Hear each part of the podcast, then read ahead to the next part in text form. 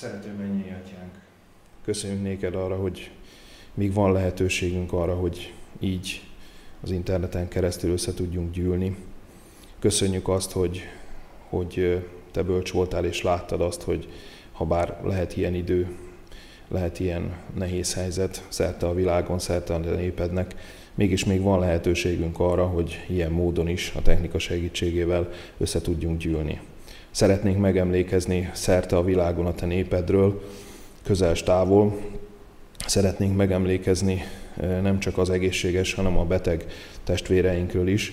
Kérlek segíts, és a te erőddel, a te lelkeddel látogasd meg őket, és adj nekik gyógyulást, megnyugvást.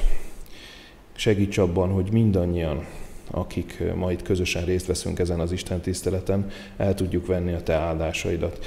Kérlek, küld a te szent lelkedet, és kérlek, segítsél meg bennünket, hogy ez a nap arról szólasson, hogy te hogyan vezetsz bennünket.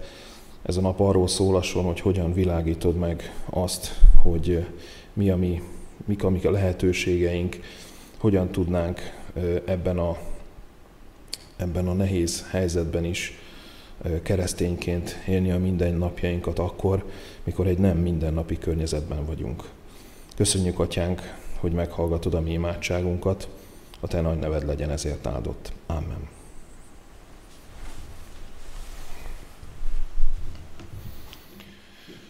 Sok szeretettel köszöntelek benneteket. El kell, hogy mondjam azt, hogy nagyon sokat formálódott bennem, hogy mi lesz a mai témám. Volt egy határozott elképzelésem, hogy miután annyi időnket és energiánkat vette el, és fogja el is venni a jövőben az aggódás, hogy vajon milyen újabb és váratlan rossz híreket fogunk kapni. Nem lenne jobb talán olyan dolgokról elmélkedni ma délelőtt, ami talán segít egy picit abban, hogy erről a holdpontról, vagy akár ebből a gödörből egy kicsit ki tudjunk végre mászni. Alakult a Facebookon egy ilyen lelki közösség nevű csoport, és az egyik, egyik testvérünk ezt írta a héten. Hetek óta szinte csak a vírussal foglalkozunk. Ez egyrészt természetes és hasznos.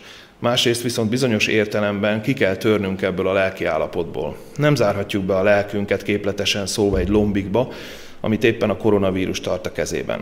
Mert akkor a vírus rabjává válunk, és a járvány akkor is legyőzne minket, ha meg se betegednénk. Ezért is örülök Simon Laci reggeli prédikációjának, és minden olyan megnyilvánulásnak, ami az életről, az élet adójáról, vagyis az örökké valóról szól. Érdekes, hogy, hogy maga a Szentírás is ezt tanácsolja. Ha megnézzük a Filippiekhez írt levél 4. fejezet 8. versét, akkor ezt a következő jól ismert szakaszt ott így olvassuk. Továbbá atyám fiai, amik csak igazak, amik csak tisztességesek, amik csak igazságosak, amik csak tiszták, amik csak kedvesek, amik csak jóhírűek, ha van valami erény, és ha van valami dicséret, ezekről gondolkodjatok. Itt az ige arra késztet bennünket, hogy talán egy kicsit, mint a strúc, húzzuk ki a, a fejünket a homokból, és próbáljunk meg ne csak a rossz hírekkel foglalkozni. Kicsit derültem, mikor láttam olyan internetes médiákat a héten, akik egészen eddig kifejezetten rossz híreket nagyon hatásos címekkel osztottak meg, tettek fel az internetre, és ők is elkezdtek azzal a dologgal foglalkozni, hogy elképzelhető, hogy talán nem jó állandóan csoró szírekkel foglalkozni. Voltak olyan médiák, akik elkezdték összegyűjteni a koronavírussal kapcsolatos jó híreket. Bizonyára mindannyian, különösen azok, akik a héten is jobbára az otthonainkban voltunk, volt lehetőségünk arra, hogy ezek között a hírek között tájékozódjunk. Sajnos a szeretteinkkel, a rokonainkkal és a barátainkkal is egyre korlátozottabb a kapcsolattartás, és annak lehetősége, de mindenki igyekszik a lehető legkreatívabban kommunikálni, kivel Messengeren, Skype-on, Zoom-on, és hála érte Istennek, hogy ez a helyzet, ez a járvány, ez nem mondjuk 20 évvel ezelőtt ért bennünket, hiszen ma már azért elmondható, hogy vagy így, vagy úgy, vagy mobil interneten, vagy más módon, de van internet lefedettség, ezáltal nem vagyunk teljesen elszigeteltek. Ebben a helyzetben, amikor valójában tényleg sok rossz hírrel szembesülünk, és a körülmények is nagyon bizonytalannak tűnnek, van, aki egyenesen kilátástalannak gondolja ezeket, fölteszik a kérdést, hogy milyen lesz a jövőnk. Szóval ebben a környezetben, ebben a szövegkörnyezetben is talán furcsának hat az a kérdés, hogy fel lehet egyáltalán fedezni valami jót, valami jót is ebben a járványban. Amióta a bűn betette a lábát ebbe a világba, a Földünk teljesen mássá vált, mint az univerzumnak a többi bolygója. Ha megnézzük a római levél 8. fejezet 22. versét, ott azt, olvassuk, hogy mert tudjuk, hogy az egész teremtett világ egyetemben fohászkodik és nyög mind idáig. Ugyanebben a fejezetben olvassuk azt, hogy bűn alá vagyunk rekesztve. Ez egy nem természetes állapot. És pont ennek kapcsán gondoljunk egy kicsit bele abba, hogy a Föld, a Föld bolygó nem más ebben az univerzumban, mint egy hatalmas karantén. Mégpedig a bűn karanténja. A bűn pedig egy olyan vírus, ahol nem egy-két vagy 7-8 százalékos a halálozási arány, hanem száz.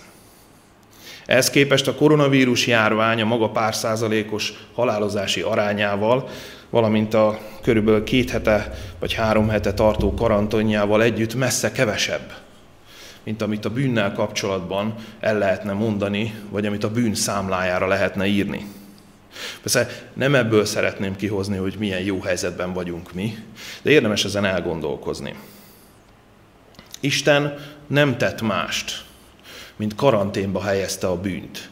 Karanténba helyezte a bűnt a, a, ezen a bolygón, hogy sehol máshol ne terjedjen el, csak ott, ahol sajnos az őszüleink elbuktak.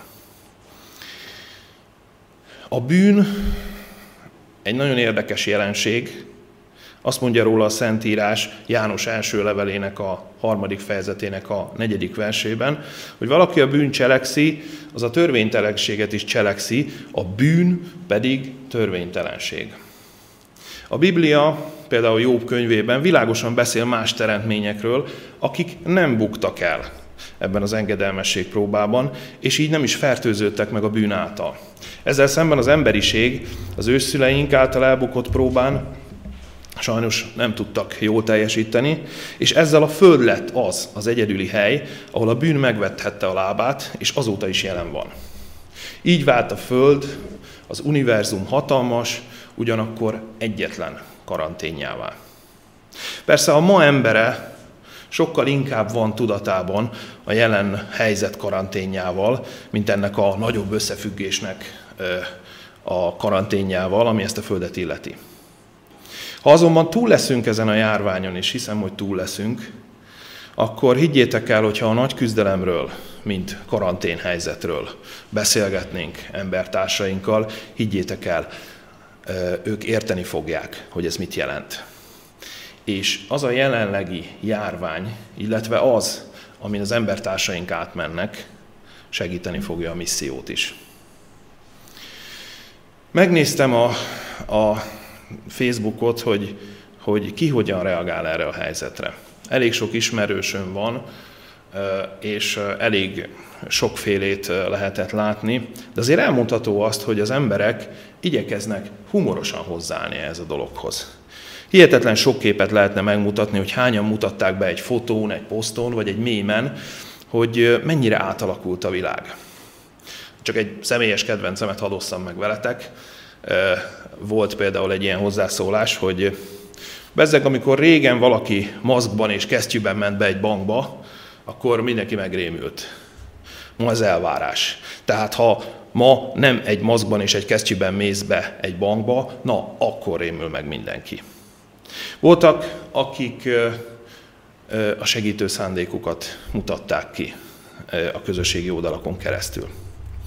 Volt például egy nagyon jó kezdeményezés, amit egy kisvárosban csináltak. Valaki elhatározta, hogy szájmaszkokat fog gyártani, és bedobja egy papír borítékban egy kis szöveggel, hogy ez a maszk ingyen van, használják egészséggel, és a végére odaírták még, hogy jó egészséget szomszéd. Ezzel azt akarták elérni, hogy a szomszédok ennek apropóján közelebb tudjanak egymáshoz kerülni. Vagy hogyha eddig nem kezdtek el beszélgetni, akkor most meg tudják tenni. Vagy talán kicsit jobb szívvel gondolnak egymásra. Nagyon sok jó kezdeményezést lehetett látni Magyarországon. Csak hogy kettőt említsek meg, ami, ami igazán szíven ütött. Egy, egy cikk, ami leírja azt, hogy Sirok község önkormányzata, a képviselők egy havi illetményüket és a polgármester is egy havi illetményét elküldi az EGRI kórház számára. Ha valaki egy kicsit ránéz a térképre és megnézi, hol van Sirok, akkor látja, hogy Heves megyében van, és ha ismeri a GDP térképet is, akkor tudja azt, hogy Magyarország egyik legszegényebb helyéről beszélünk. Ez az 500 ezer forint, ismerve a, a magyar egészségügyi állapotát, talán úgy tűnik, mintha egy csepp lenne a tengerbe, de biztos vagyok benne, hogy ez az 500 ezer forint ott az EGRI kórháznak nagyon sokat fog jelenteni. Ugyanezt el tudom mondani például Budapestnek az egyik legszegényebb és legvitatottabb kerületéről, a 8. kerületről, a Józsefvárosnál, ahol ugyanilyen felajánlás érkezett, és hogy egy kicsi viccet is csempészek a dologba, miután a, a polgármester és a, a képviselők elhatározták, hogy a minden tehát a, a illetményüknek, a havi illetményüknek a 10%-át bele fogják tenni minden hónapban ebbe az alapba. Azt mondhatom, hogy a Józsefvárosi Önkormányzatnak a vezetősége már tizedet fizet. Voltak olyanok, akik videoblogon osztották meg a tapasztalataitokat. Volt, aki felhívta mások figyelmét a járványal kapcsolatos fontos tudnivalókról. Olvastam olyat is, aki borzasztó sokat dolgozik az egészségügyben, de minden egyes nap szakít időt arra, hogy a Facebookon megosszon rövid, ám de hasznos keresztény írásokat. Legutóbb például arról, hogy az aggódás vagy a félelem miért nem visz bennünket előre ebben a helyzetben, vagy hogy kell-e tartanunk a jövőtől. Egyáltalán, hogy hogy tudjuk kezelni ezeket a helyzeteket, vagy ezt a helyzetet keresztényként. Alapvetően elmondható, hogy az emberek igyekeztek egymáson segíteni és összefogni. Láttam olyanokat, akik, olyan pizzériát, aki felajánlotta, hogy, hogy az egészségügyben dolgozóknak sütni fog. Láttam olyan autómentőst, aki felajánlotta, hogy ha bármi probléma van, mentősökkel azonnal a segítségükre siet ingyen és bérmentve. Rengeteg felajánlást láttam, és olvastam egy olyan hozzászólást is, hogy amikor ilyeneket látok, akkor egy kicsit visszakapom az emberiségbe vetett hitemet hogy még, még valami, valami jó azért van az emberek között. Találtam egy gondolatot az interneten, és nem sikerült kiderítenem, hogy honnan van. Azt hiszem, hogy szinte biztos, hogy magyar, vagy magyar ember tollából származik, mert máshol, más nyelven nem találtam meg. A tegnapi szombatkezdő beszélgetésen Ócsai testvér említette, hogy sokszor, nagyon sokszor gondolkodott a miérteken. Gondolkodott azon, hogy miért engedte meg Isten ezt a helyzetet. És azt hiszem, hogy ahogy neki is, úgy szerintem nagyon sokunknak felmerül ez a kérdés, hogy, hogy miért. Van, aki azt mondja, hogy a miért korszakból a gyerekek öt évesen kinőnek. Öt éves korukban még ez egy szokás. De azt hiszem, hogy a miért, az egy nagyon jó kérdés. Ez egy olyan kérdés, amit nagyon sokszor felteszünk Istennek is, és nem csak öt éves korunkban, hanem sokkal később is. Szóval miért engedte meg Isten ezt a helyzetet? Azt hiszem, hogy sokan próbáljuk megmagyarázni. Sokan próbáljuk elképzelni, hogy, hogy mi történhetett. Ugye egészen addig, ameddig mi nem tettünk más, csak hallgattunk prédikációkat múltbeli pestis járványokról, hallottunk prédikációkat arról, hogy hát Kínában van ez a járvány. Egészen addig, ameddig ez nem került hozzánk teljesen közel, és nem vált a napjaink, mindennapjaink komoly részévé, addig nem éreztük igazán a bőrünkön. De akkor, amikor ez tényleg így lett, és akkor, amikor már tényleg ott tartunk, hogy meg kell indokolni, hogy miért és hogyan megyünk ki az utcára, amikor, amikor már ezt vizsgálják és nézik, és amikor fontos az, hogy, hogy ezeket megtartsuk és betartsuk. Nos, akkor az egyik legfontosabb kérdés tényleg az, hogy, hogy miért. Ahogy mondtam, találtam egy, egy olyan gondolatsort, ami nagyon elgondolkodtató, szeretném nektek felolvasni. Nem kell feltétlenül vele egyetérteni, de azt hiszem, hogy mindannyian el fogunk rajta gondolkozni. A gondolatok a következőek. Az emberiség pontosan azt a betegséget kapta, amelyikre szüksége volt. Már nem értékeljük az egészséget, ezért kaptunk egy betegséget, hogy megértsük, hogy az egészségünkkel foglalkozni kell. Már nem értékeljük a természetet körülöttünk, ezért kaptunk egy betegséget, hogy minél kevesebbet tartózkodjunk a természetben. Már elfelejtettük, hogy hogyan kell családonként élnünk, családként élnünk, ezért kaptunk egy betegséget, amely bezár minket az otthonainkba, hogy megtanuljunk ismét családként élni. Már nem tiszteljük az öregeket, ezért kaptunk egy betegséget, amely emlékeztet arra, hogy az öregek sérülékenyek. Már nem értékeljük az egészségügyi dolgozókat, ezért kaptunk egy betegséget, amely emlékeztet a pótolhatatlanságukra. Már nem tiszteljük a tanárokat, ezért kaptunk egy betegséget, amely bezárta iskoláinkat, hogy a szülők maguk próbálják tanítani a gyermekeiket. Azt gondoltuk, hogy mindent megvehetünk, mindenhol ö, ott lehetünk azzal és akkor, amikor csak akarunk, ezért kaptunk egy betegséget, ami megmutatja, hogy mennyire nem természetes dolog ez. Szabadidőnket bevásárlóközpontokban töltöttük, ezért kaptunk egy betegséget, hogy megértsük, a boldogságot nem lehet megvenni. Nagyon sokat foglalkoztunk a külsőnkkel, és mindig összehasonlítottuk azt másokkal, ezért kaptunk egy betegséget, ami eltakarta arcunkat maszkokkal, hogy megértsük, a szépségünk nem ott van. Azt gondoltuk, a föld urai vagyunk. Ezért kaptunk egy betegséget, hogy az egészen aprócska, láthatatlan valami megszerítsen minket, iránymutatást adjon, és egy kis megbékélést is talán. Ez a betegség nagyon sok mindent elvesz tőlünk, ugyanakkor lehetőséget ad arra, hogy újból észrevegyük, mi a legfontosabb az életben. Olyan betegségeket kaptunk, ami pontosan ránk van szabva. Azt gondolom, hogy bár lehetne vitatkozni ezekkel a gondolatokkal, de talán nem is ez a cél. Azt gondolom, hogy nagyon sok gondolata, nagyon sok mondani valója ennek a gondolatsornak egyszerűen talál. Megmutatja jól azt, hogy ha bár rossz dolog a járvány, mégis tudnak jó dolgok kikerekedni belőle. Amikor egy járvány elindul, én soha nem látom Istennek a kezét benne. Ha valami rossz dolog egy világhódító útjára indul, soha nem gondolom azt, hogy emögött Isten áll. De amikor a rossz dolgokból kezdenek jó dolgok lenni, amikor a, a rossz dolgok mellett lát, meg, meg tudom látni a jót, akkor abban biztos vagyok, hogy az Istentől van. Két hét után ki kellett mozdulnom, hogy elintézek néhány dolgot, amit nem lehet interneten keresztül elintézni. És emlékszem rá, hogy amikor elindultam, nem csak azt vettem észre, hogy sokkal kevesebb autó vesz részt a forgalomba, hanem azt is, hogy akik részt vesznek, azok jóval jobban odafigyelnek egymásra. A forgalomban résztvevők sokkal udvariasabbak voltak egymással, teljesen más habitussal találkoztam az utakon, mint annak előtte. Lehet, hogy ez a két hét szobapokság ilyen látványosan megtette volna a hatását. Van egy ismerősöm, akinek az édesanyja egy betegsége miatt jóval régebben van a lakáshoz kötve. Neki a karantén az nem hetekben, hanem lassan évtizedekben mérhető.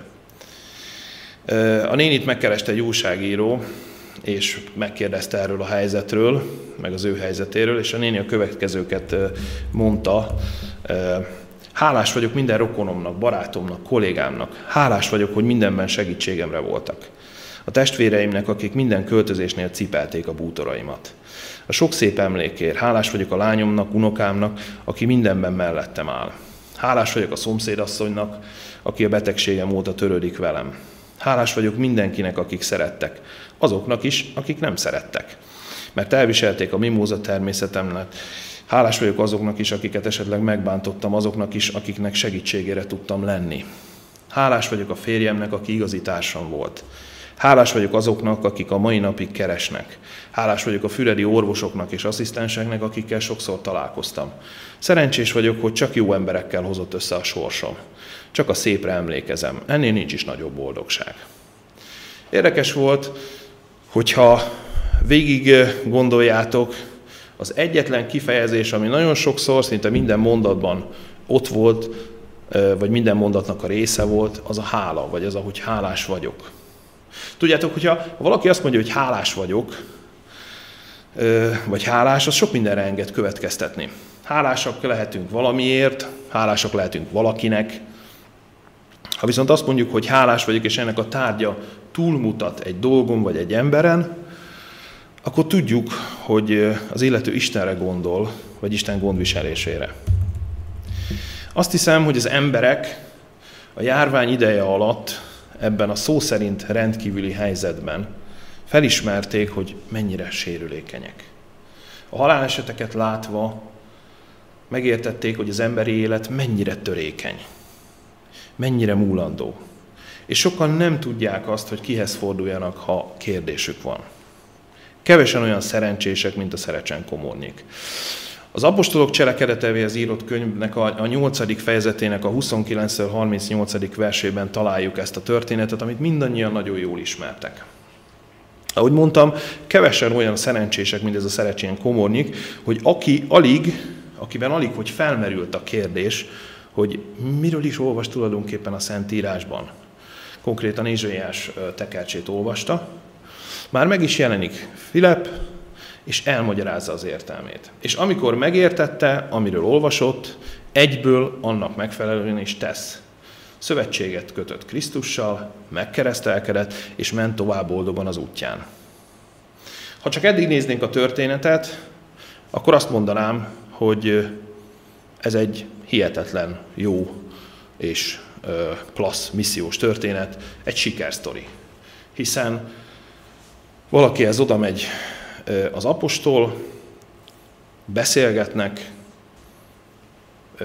sikerül neki elmagyarázni azt, amit nem ért, vagy megérti, és alig, hogy odaérnek egy vízhez, azonnal gyakorlatra is váltja a tudást, és azt mondja, hogy migától engem abban, hogy megkeresztelkedjek. Ha csak ezt nézném, akkor, akkor ez, ez egy nagyon jó keresztségi történet lehetne. Azonban hála jó Istennek, ugye a történet nem áll meg itt. Ahogy ez a Szerecsen Komornyik hazaért, a Filip által és segítségével megértett tudását nem tartotta meg magának, hanem továbbadta másoknak.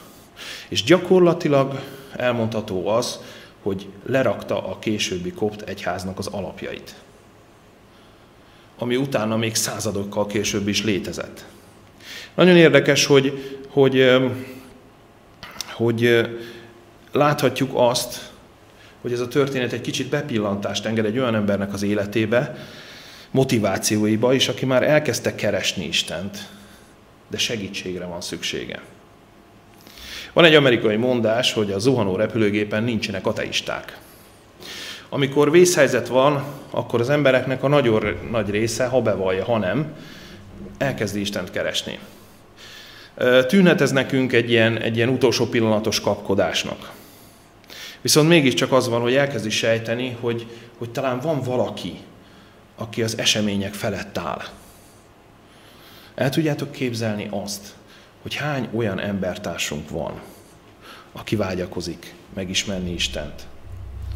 De nem volt olyan szerencséje, hogy amikor felmerül egy kérdése Istennel kapcsolatban, akkor hirtelen megjelenik egy ember, mint Filip, és megmagyarázza. Nem volt olyan szerencséje eddig. Mert hogyha belegondolunk, akkor ez, amit látunk, ez nem biztos, hogy egy járvány. Akkor, amikor az emberek bezárkóznak az otthonaikba, akkor nem biztos, hogy elérhetetlenek. Fizikailag igen. Fizikailag mindenki próbál távol maradni a másiktól. Mégis észrevesszük azt, hogy vannak technikai eszközeink arra, hogy a távolság ellenére közel tudjunk egymáshoz maradni. Ismerek egy adventistát, aki Skype-on tart bibliaórákat másoknak heti rendszerességgel. Teszi ezt úgy, hogy valójában rengeteget dolgozik mellette, és amikor végre megpihenhetne este, na, akkor kezdődik a második műszak, és akkor kezdi el ezeket az alkalmakat. És régebb óta csinálja. Régebb óta csinálja, mint ahogy ez, a, ez az egész dolog elkezdődött, ez a járvány. Teszi ezt azért, mert van ismerőse Brazíliába, van ismerőse Olaszországba, akiknek szükségük van arra, hogy minél többet tanuljanak Jézusról, és folyamatosan szépen veszik át a tanulmányokat, és azok, akiket tanít, egyre közelebb és közelebb kerülnek Istenhez. Neki ez nem újdonság, hogy Skype-on bizonyságot tegyen a hitéről, mert heti szinten már régos, réges régóta gyakorolja. Hadd kérdezzek valamit. Hogyha vége lesz ennek a járványnak, és az emberek újra visszatérnek a szokásos, hajtós, rohanós életükhöz, és még ráadásul azt is fogjuk látni, hogy mindezt olyan elánnal és lendülettel teszik, képzeljétek el, amikor újra kinyílnak hivatalosan is a saját házaink ajtaja, és rohatnánk dolgozni, akkor biztos, leszek, biztos vagyok benne, hogy nagyon sokan lesznek, akik azért rohannak, hogy szinte bepótolják azt a két-három hónapot, amit eddig elvesztettek. Nos, ha, ha mindenki ilyen gyorsan fog kirohanni a házból, akkor vajon hogyan tudjuk megszólítani őket érdemben? Szerintem nagyon nehezen vagy sehogy. Ha valaki ma megkérdezné tőlünk, hogy vajon meglátjuk-e a lehetőséget ezekben az időkben, ezekben a nehézségekben, akkor vajon milyen választ adnánk? Kanadában indult egy kezdeményezés egy keresztény énekes részéről, hogy a karantén ellenére a weben keresztül virtuális kórusokat szervez. A világ minden tájáról jönnek hozzá résztvevők, nem csak Amerikából, nem csak Brazíliából, Hollandiából, Romániából is láttam, akiknek digitálisan persze kottát küldenek ki, az énekesek megtanulják a saját szólamaikat, együtt feléneklik a kórusműveket, majd a végén az egészet megosszák YouTube-on másokkal. Bár nem mehetnek ki a házukból, mégis nagyon sok emberhez jutnak el. Éppen úgy, mint aki bátorító és hasznos szövegeket ír a Facebookra, vagy az, aki bibliaórákat ad a Skype-on vagy a Zoom-on. Tegnap nekünk is volt egy két órás biblia tanulmányozásunk Zoom-on. Miután ez egy online istentisztelet, ahova többen is becsatlakoznak most, csak ajánlani tudom ezt a valóban jó lehetőséget nálunk is, de akár más gyülekezeteknél is.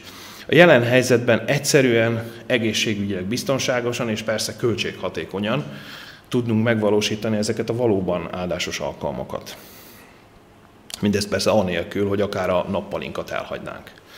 Azt hiszem, hogy nagyon jó volt a tegnapi ö, beszélgetés minden résztvevő számára lelkileg. Meg is beszéltük, hogy szerdánként fogunk alkalmakat találni arra, hogy beszélgessünk újra, új témákról, új felvetésekkel. Kicsit úgy éreztük magunkat, mint a tanítványok az Emmausi úton. Azok, akik szinte azt kérdezgették egymástól, hogy, hogy érezted, hogy mennyire gerjedezik a mi szívünk.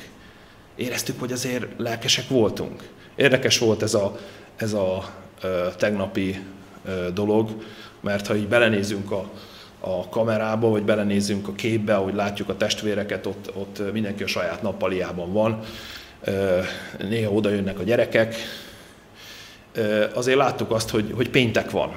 Láttuk azt, hogy, hogy, hogy a hétnek a vége van, és mindenki egy kicsit fáradt. Látszik rajta az egész hétnek a, a mindenféle küzdelme, de, de azt is lehetett érezni, és azt is lehetett megfigyelni, hogy, hogy a testvérek ugyanakkor, ahogy elkezdtünk Isten igéről beszélgetni, mindenki lelkes volt valamilyen szinten. Mindenki kereste a megoldást, kereste a, a dolgoknak a jelentését, mindenki igyekezett hozzászólni. Maga ez a történet, ami az Emmausi tanítványokról szól, ez Lukács evangéliumának a végén, a 24. fejezetben található. Ha szóba kerül Lukács személye, az evangélista személye, akkor mindig azt mondjuk, hogy orvos volt, ami azt is jelenti, hogy alapos volt, általában azért minden részletre kiterjedő volt, és ha ezzel a tudattal olvassuk ezeket a sorokat, akkor, akkor pláne egy, egy, egy plusz jelentést is ad, vagy adhat hozzá ezekhez a versekhez. Az Emmósi tanítványok, az Emmósi úton haladó tanítványok, ez a két tanítványnak a története a 13. verstől kezdődik, és Hát, ha nagyon szigorúan venném, azt mondanám, hogy a 33-ig tart, de nyugodtan mondhatjuk azt is, hogy az evangélium végéig, és a fejezetnek az 53. verséig, beleértve magát Jézus mennybe menetelét is. Hiszen ha végigolvassuk, akkor, akkor szinte egy, egy eléggé megállíthatatlan vonalvezetése van ennek a fejezetnek. Hogy miért is jutott eszembe ez a vers? Miért is jutott eszembe ez a párhuzam? Talán azért, mert van itt két tanítvány, akik teljesen el vannak keseredve. Úgy érzékelik és értékelik, hogy minden elveszett. Minden, amiben addig hittek. Minden, amiről azt gondolták, hogy az jó, most mégis azt kell, hogy lássák, hogy semmivé veszett. Nekünk 21. századi keresztényeknek borzasztó egyszerű dolgunk van, hiszen ismerjük a történet elejét és a végét is. Mi pontosan tudjuk, hogy amiről ők azt gondolták, hogy kudarc, hogy megsemmisülés, hogy vége mindennek, az valójában mi volt? Győzelem. A legnagyobb győzelem, ami csak lehetséges. Nagyon nehéz ilyen szuperlatívuszokban ekkora távolságot áthidalni, és ezeknek a tanítványoknak sem ment. Éppen ezért, amikor ketten ott ballagtak az úton, és beszélgettek maguk között mindarról, ami történtek, ahogy írja az ige, és ahogy beszélgettek és egymástól kérdezősködtek, biztos vagyok benne, hogy arról beszéltek, hogy most, most mi lesz? Most hogyan tovább? Hiszen egy olyan dolog történt, amire nem számítottak hasonlóan hozzánk. Egy olyan dolog történt, aminek még, még csak a, a variációival sem foglalkoztak, mert, mert nem gondolták volna, hogy ez valaha bekövetkezhet, és bekövetkezett. És ott álltak, és azt próbálták megérteni, hogy most mi lesz. Szerencsére nem egyedül folytatták az útjukat. És ez nekünk 21. századi keresztényeknek is egy borzasztó jó érzés, egy jó tudat és egy jó üzenet mert valaki hozzájuk csatlakozott. Nagyon érdekes az, hogy ahogy ö, oda csatlakozik Jézus, megadatott az, hogy nem ismerik meg. Hogy az a Jézus, akivel együtt töltöttek nagyon sok időt, akinek a, pont a haláláról beszélgetnek, és hogy mi, mi következik Jézus után, az a Jézus oda csatlakozik mellé, melléjük, és nem veszik észre. Nem jönnek arra rá, hogy ki ő. És azt kell, hogy mondjam, hogy innentől kezdve ez például egy hihetetlen humoros jelenet. Megkérdezi azt, hogy micsoda szavak ezek, amelyeket egymással váltatok jártatokban, és miért vagytok ilyen szomorú áblázattal. A 18.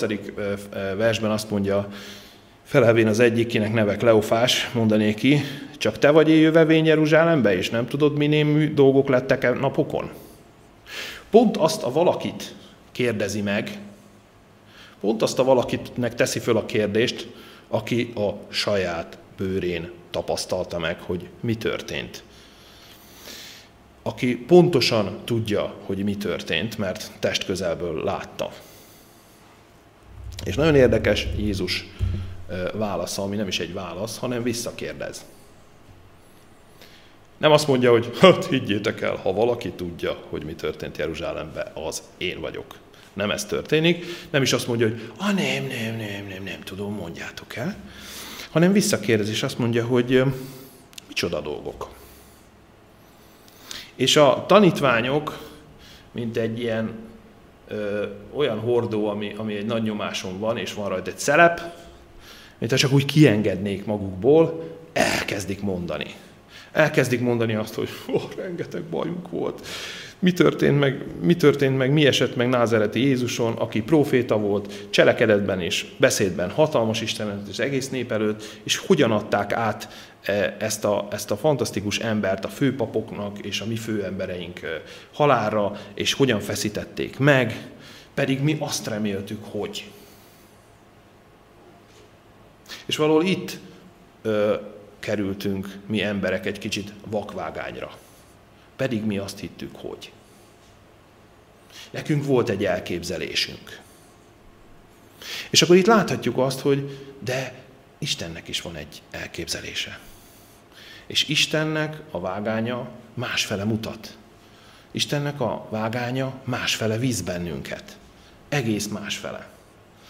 Szoktam azt a példát mondani, eh, amit eh, még kisgyerekként megtanultam, amikor, amikor vitorláztunk, meg akkor is, amikor nagyobb hajót vezettünk, hogy amikor elindul az ember a hajóval, és csak egy nagyon picit változtat a kormányon,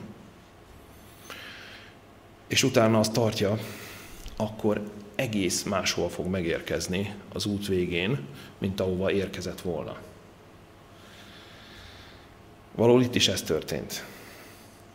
Azt mondja, hogy itt vagyunk már harmad napja, és ezek lettek, hanem valami közülünk való asszonyok is megdöbbentettek minket, kik jó reggel a sírnál valának, és amikor nem találták az ő testét, hazajöttek mondván, hogy az angyalok jelenését is látták, kik azt mondják, hogy ő él. És azok közül némelyek, kik velünk valának, ugye ezek voltak a tanítványok, elmentek a sírhoz, és úgy találták, hogy amit az asszonyok is mondták, a sír valóban üres volt, őt pedig nem találták. És itt megrekedt a történet. Itt megállt a történet, mert itt aztán végképp eljutottak oda, hogy nem tudták elképzelni, hogy mi van, hogy mi történt. Innen, ettől a ponttól már nem tudtak mit hozzátenni ez a történethez, nem csak azért, mert időben ott voltak, hanem azért, mert egyszerűen nem tudták elképzelni, hogy akkor most itt mi történt. Mi lehetett? És milyen érdekes, hogy itt azt mondja Jézus, hogy ó, balgatagok és resszívűek mindazoknak elhívésére, amit a proféták szóltak. Nagyon érdekes, ez egy, ez egy elég személyes és egy elég direkt megszólítás Jézus részéről, és mégis uh, itt még nem fedezik fel, hogy kivel állnak szemben, kivel beszélgetnek. Avagy nem ezt kellett szenvedni Krisztusnak, és úgy bemenni az ő dicsőségébe. És elkezdett Mózestől és minden profétáktól fogva magyarázza valanékik minden írásokban, ami ő felőle megirattak. Nagyon érdekes, mert kis túlzással azt tudom mondani, hogy az Emmausi tanítványok lehettek az első adventisták. Akik ott voltak, nem értettek semmit, de aztán jött valaki, aki elkezdte a proféciákból megmagyarázni, és hirtelen kezdték látni a helyüket a világban.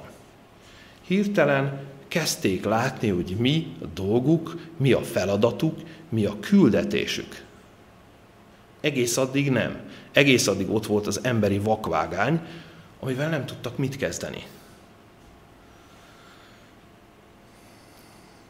Aztán elérkeztek a faluhoz, ez is egy döntési pont volt, ahol Jézus úgy tett, mintha tovább akarna menni. Ők viszont meg már annyira vágytak az ige után, és annyira meg akarták érteni az egészet, hogy azt mondták, hogy ne, ne, ne, ne, ne, ne menj sehova, maradj itt velünk, légy szíves, és mondd el. És mondd tovább, tanulni akarunk, meg akarjuk érteni. Az ember úgy van megteremtve, hogy eh, ha hisszük azt, hogy, hogy Isten képmására teremtett bennünket, és értelmes lényeknek teremtett bennünket, akkor úgy van megteremtve, hogy meg akarja érteni a dolgokat, hogy mik miért történnek. Amikor eh, tanítunk valakit, akkor is próbáljuk úgy elmagyarázni a dolgokat, hogy lehessen látni, hogy logikusan egyik dolog a másik után hogyan következik. És itt is ez történik. Annyira szerették volna már, és már akkor kezdték érezni azt, amiről később beszélnek is, hogy, hogy mennyire jó Isten dolgairól beszélgetni, mennyire jó Istennel beszélgetni, mennyire jó ö, ott lenni és, és megérteni azt, hogy, hogy Istennek milyen terve van velünk. Aztán nagyon érdekes, azt írja az ige, hogy beméne azért, hogy velük maradjon. És lőn, mikor leült velük, a kenyeret vevén megáldá, megszegi, és nékik adá. És abban a pillanatban megnyilatkozának az ő szemeik, és megismerték őt, de ő eltűnt előlük. Az az elég bensőséges dolog, amikor valaki valakivel együtt teszik, és ugye ezt már ők több, több évet tették együtt, na akkor felismerték. Valószínűleg akkorra már meg is értették, amiről beszélgettek. És azt mondták egymásnak, hogy avagy nem gerjedezett a mi szívünk, mi bennünk, hogy mikor nekünk szól az úton, és mikor magyarázza az írásokat. És felkelvén azon órában visszatérnek Jeruzsálembe. Szoktam azzal viccelődni, nem is biztos, hogy annyira vicces, hogy, hogy mivel akkor már ugye ők arra hivatkoznak Jézus esetében is, hogy már besötétedett, és, és itt ugye arról van szó, hogy, hogy ilyenkor már senki nem nagyon kelt útra, ők mégis nem foglalkoztak a sötéttel, hanem visszamentek Jeruzsálembe. Sokkal gyorsabban tértek vissza Jeruzsálembe, mint ahogy Jeruzsálemből eljöttek. Kis, kis túlzással azt is merem mondani, miután ismeritek a történetet, hogy elmondják, hogy mi történt, aztán Jézus is megjelenik, és, és, és ott van velük. Kis túlzással azt mondom, hogy olyan lelkesen rohantak Emmausból vissza a Jeruzsálembe, hogy szerintem még Jézust is leelőzték a sötétben. Ami fontos, hogy abban a pillanatban, mihelyt megértették azt, hogy mi Isten terve, hogy mi Isten szándéka, hogy Isten ö, történetében, Isten tervében mindennek pontosan helye van, abban a pillanatban tudták a dolgukat. Abban a pillanatban tudták, hogy mi a missziójuk. Abban a pillanatban tudták, hogy nekik mit kell tenniük. Lehet, hogy nekünk is erre van szükségünk. Nekünk is arra van szükségünk, hogy megértsük, hogy amikor bezárkóznak az otthonok, akkor mire van szükségünk. Amikor minden úgy tűnik, hogy elszigetelődik, akkor ahogy egymást megszólítjuk, ahogy még a fizikai elkülönülés ellenére is van lehetőségünk arra, hogy közösséget tudjunk alkotni, hogy közösen átvegyük a szombatiskolát, hogy közösen imádkozzunk, hogy közösen tartsunk Isten tiszteletet, mint ez a mai. Most akkor a kérdés az, hogy úgy vagyunk-e, mint a szerecsen komornyik, vagy úgy vagyunk-e, mint a tanítványok. Amikor megértették mind a kettőnél, mit látok, azonnal tudta, hogy mit kell tennie. Megkeresztelkedett, visszament az ő hazájába, és mit csinált? Megosztotta azt, amit Fileptől tanult. Ezt tette a komornyik. Egy egész egyházat alapított. Mit tettek itt a tanítványok? Megértették, hogy mik az összefüggések, mert Jézus elmagyarázta. Hú, de szeretnék ott lenni egy olyan szombatiskolán, ahol Jézus magyaráz. Ahol Jézus mutatja meg az összefüggéseket. Pedig egyébként valójában nagyon sok olyan szombatiskolán veszek részt, ahol Jézus mutatja meg az összefüggéseket. Nézzétek meg itt a tanítványok mit csinálnak.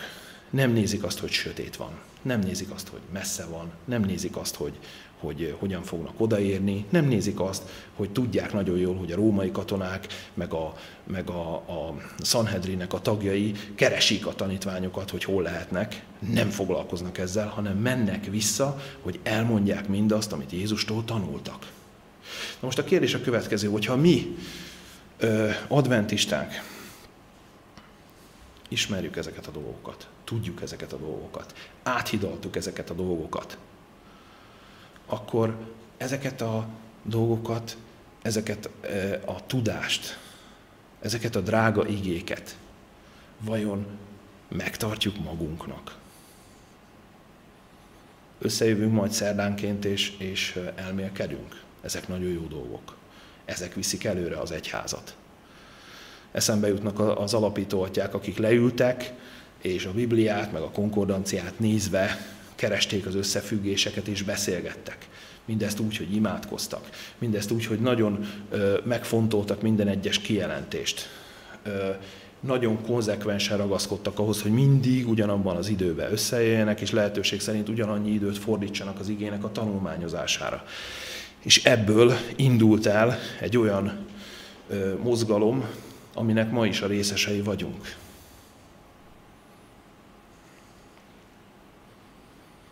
Most, amikor itt van ez a járvány, mi ki tudunk valami jót is hozni ebből? A válaszom egyszerű. Nem. Mi nem tudunk kihozni jót. Mi nem tudunk kihozni.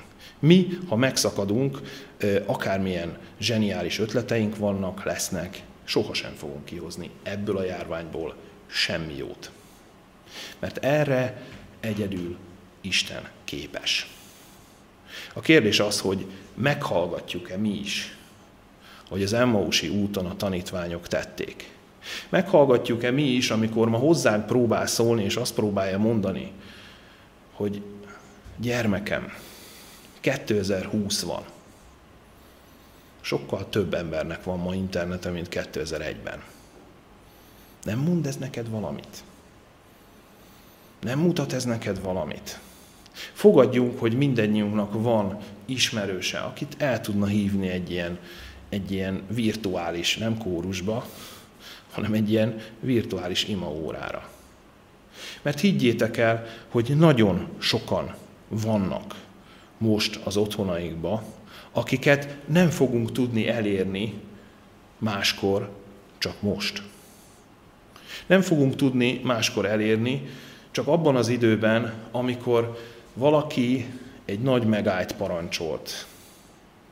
Beszéltünk arról, hogy még a Föld is megérzi ennek a nagy megállnak a pozitív hatásait. Lehet arról beszélni, hogy tisztul a levegő, tisztul a víz, sokkal ö, kevesebb a káros anyagkibocsátás, és még lehetne sorolni ezeknek a, azért a jó oldalait is a járványnak. De ezek az emberek még két-három hétig, négy hétig, hat hétig, nyolc hétig, nem tudni meddig, az otthonainkba kényszerülnek.